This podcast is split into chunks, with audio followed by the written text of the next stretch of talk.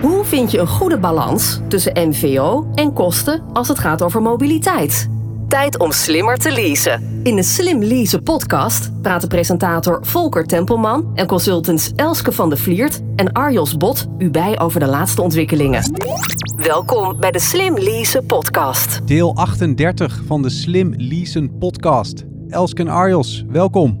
Dankjewel. Wel. Iedereen die nu zit te luisteren, jullie ook van harte welkom. We horen graag wat je van de podcast vindt.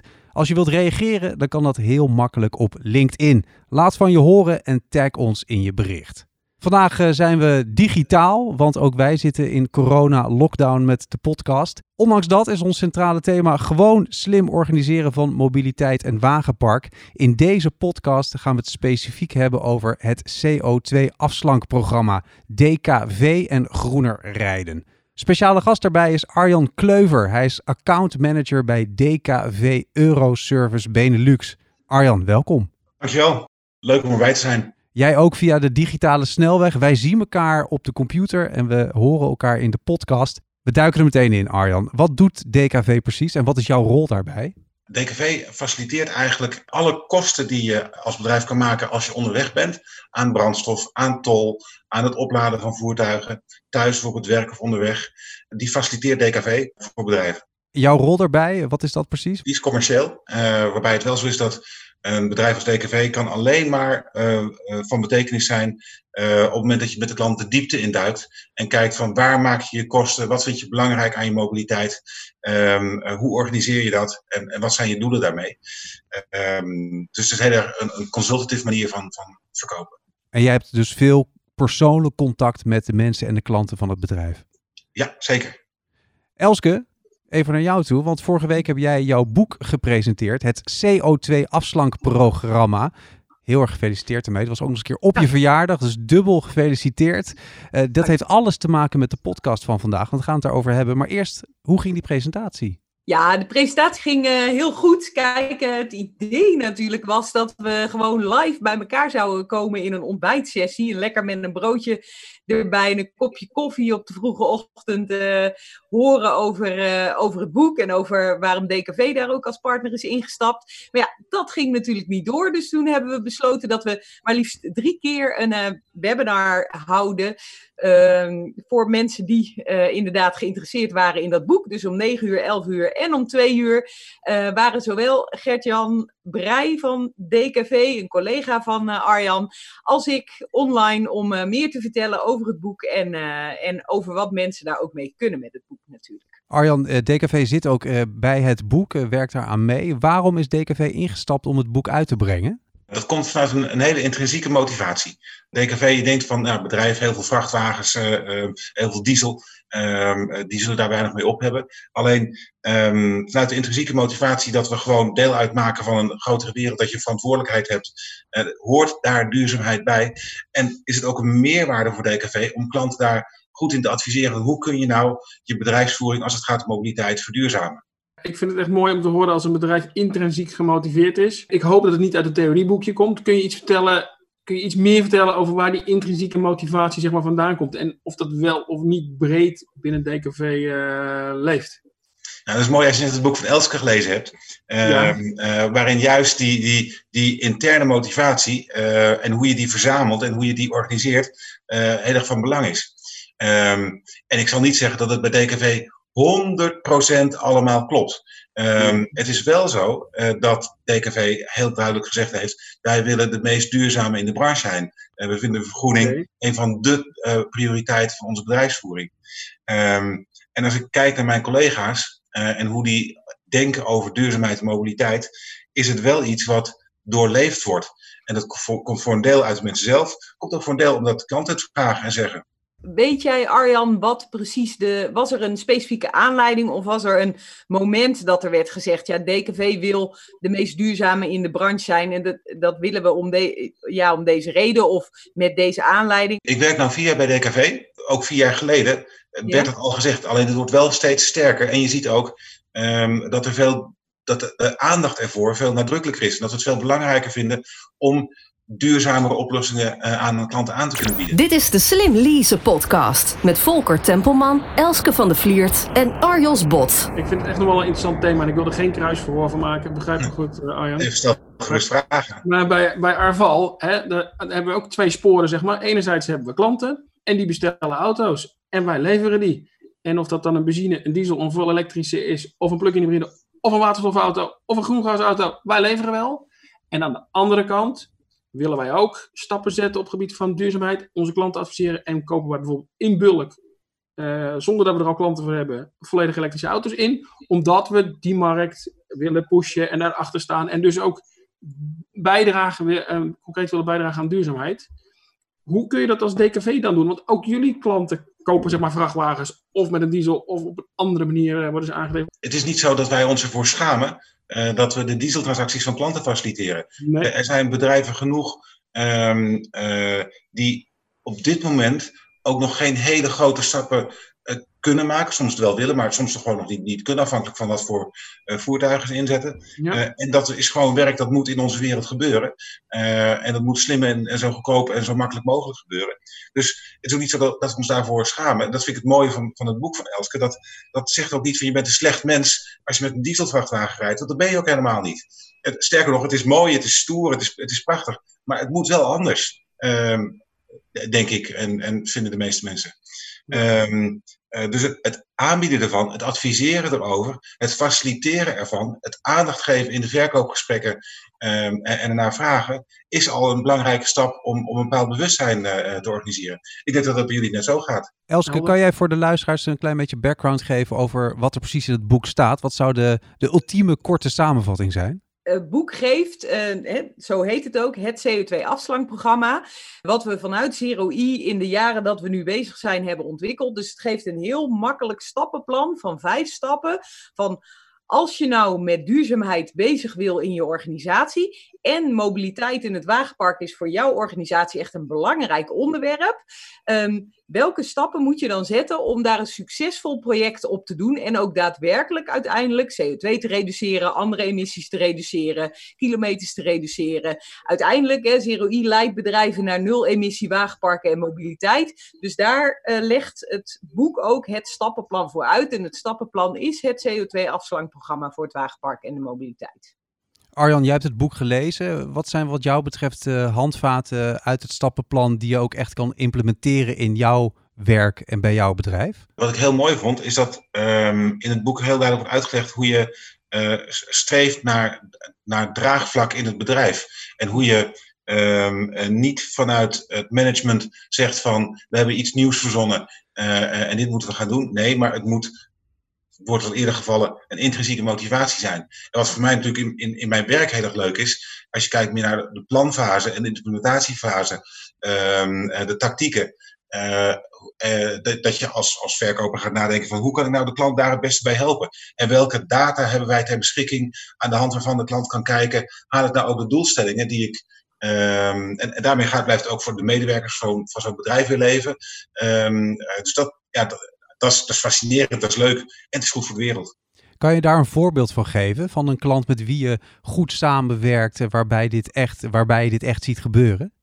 Duurzaamheid komt eigenlijk bij, bij alle gesprekken wel een keertje ter tafel. Soms maar heel flinterdun en wordt het één keer gemerkt. En soms is het echt een, echt een aandachtspunt. Um, wat, ik, wat ik nou heel erg leuk vind is met een klant die ook daadwerkelijk zegt van nee, wij, wij gaan over op elektrische auto's. En dat is geen greenwashing, uh, geen window dressing. Dat, dat is echt een, een, een, stap die ze genomen hebben. Ze hebben het boek van Elske nog niet gelezen. Um, uh, en dat we aan de hand van, van wat wij daarin kunnen leveren aan laadpalen, aan service onderweg, uh, zo'n klanten kunnen helpen om, om, om die verduurzaming in hun organisatie te bewerkstelligen wat ik me afvraag, in de transport bijvoorbeeld draait het heel erg om kosten. En diesel of andere brandstof, blijven allemaal kostenposten. Hoe zie jij het verband tussen enerzijds de, het streven van bedrijven om meer en meer duurzaam te zijn... en anderzijds ook de focus op kostenbesparing? Want het kan hand in hand gaan en het kan ook bijten dat hangt zo van de klant af hoe die er tegenaan kijkt. Uh, want de ene klant die, die kijkt daar veel breder tegenaan en zegt: ja, maar wat, wat kost het om op de oude voet door te gaan en wat voor schade uh, veroorzaken we dan? Uh, de ene klant heeft de, heeft de financiële mogelijkheden om ook te investeren en de zaak op langere termijn te bekijken. Ehm, en de andere klant die, die zal het misschien wel noodgedwongen in kleinere stapjes moeten, moeten doen. Ik heb het met mijn klanten vaak over waarom is het voor jou relevant, want daarom komen ze bij mij. Maar als je je klanten nog niet zo ver hebt, als je klanten nog niet zo ver zijn, dan dat gesprek aangaan van waarom zou het relevant voor jou kunnen zijn. En dan kun je ook zien van, nou ja, weet je, is dit een klant um, uh, die uiteindelijk uh, met duurzaamheid bezig gaat, uh, pas over 30 jaar met duurzaamheid bezig gaat, of er eigenlijk al bijna is. En ik denk dat dat wel heel belangrijk is. We moeten echt niet denken dat morgen iedereen supergroen rijdt. En ik heb liever dat iedereen doet wat hij kan, maar bezig blijft. Dan dat mensen zeggen, ja, maar ik kan maar een heel klein beetje doen. Of ik kan het nu nog niet doen, maar pas vorig jaar, volgend jaar. Dus dan doe ik het maar helemaal niet. Dat zou echt een gemiste kans zijn. Dit is de Slim Lease podcast. En als je het dan heel praktisch maakt, Arjan, eh, welke praktische tips heb je bijvoorbeeld ook voor luisteraars in het kader van groener rijden? Ik vind het een hele logische vraag. Uh, alleen, um, je moet daar best wel mee uitkijken, want dan beperk je het juist weer tot, uh, tot hele kleine dingetjes en, en heb je het niet echt geïntegreerd in, in je bedrijfsfilosofie of in je, hoe je nadenkt over uh, van A naar B te gaan.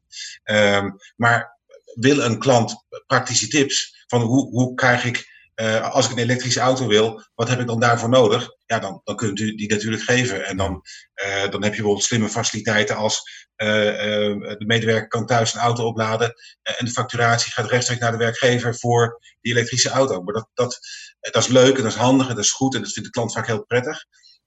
maar het is ook, je hebt het dan niet over hoe ga je daadwerkelijk je transport of je mobiliteit verduurzamen. Arjos, hoe kijk jij daar tegenaan?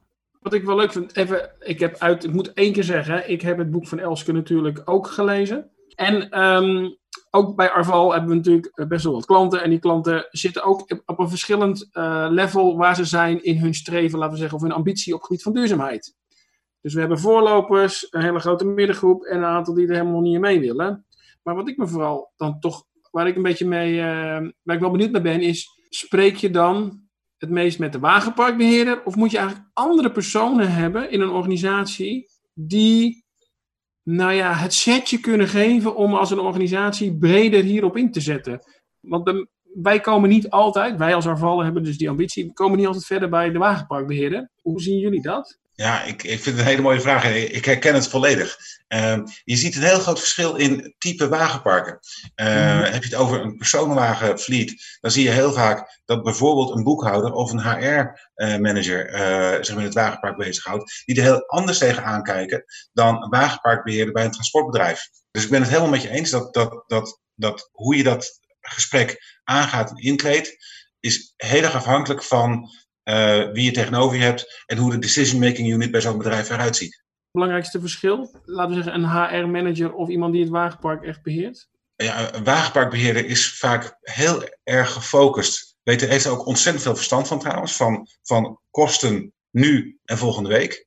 Uh, en bijvoorbeeld een HR-manager, die, die kijkt al uh, op een hele andere manier daar, daar uh, aan. Die kijkt ook bijvoorbeeld naar wat betekent het, wat zijn de consequenties voor de medewerkers als ze uh, naar een andere vorm van mobiliteit uh, toe gaan. Die kijken wel op, op, een andere manier naar. Ik zeg niet dat één goed is en de ander slecht. Je hebt ook mm. allebei echt nodig in het bedrijf. Uh, maar, maar de kijker op verschilt wel.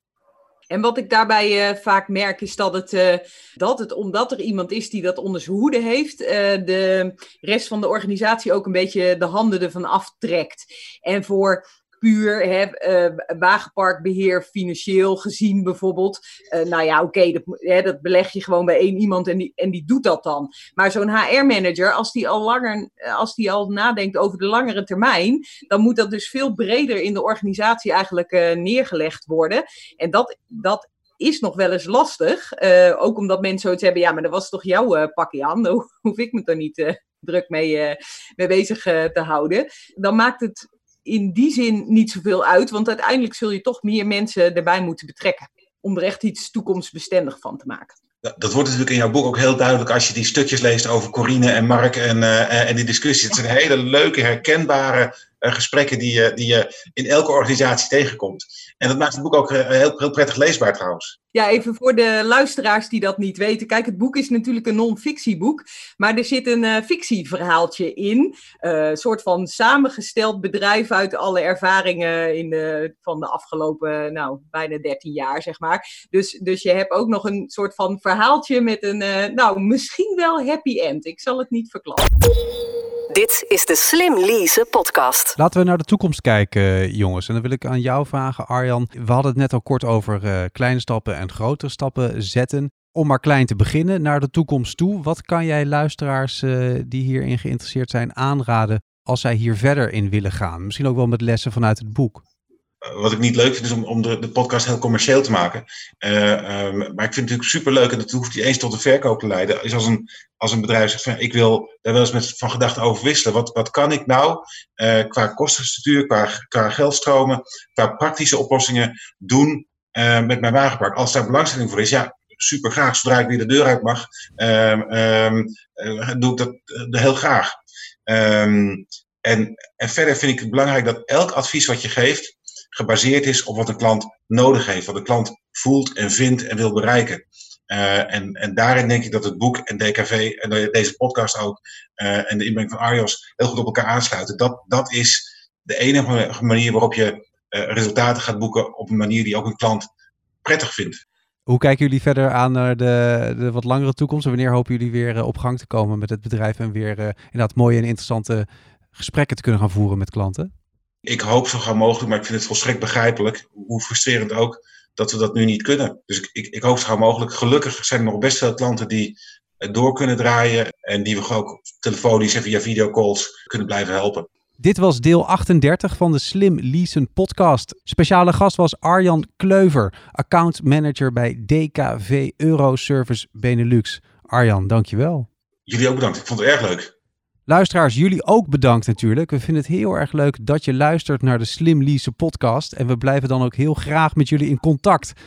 We horen graag wat je van de podcast vindt. Laat van je horen. Reageer op LinkedIn en tag ons in je bericht. Waar zijn jullie te taggen en te bereiken wat dat betreft? Ook op LinkedIn, op Twitter. Maar LinkedIn is waarschijnlijk het meest logische medium hiervoor. En dat geldt voor uh, Adios ook. Adios Bot is te vinden op LinkedIn. En een mailtje sturen mag uiteraard ook naar arios.bot.arval.nl. En ik zou willen zeggen, kijk zeker even op co2afslankprogramma.nl natuurlijk, want daar vind je alles over het boek.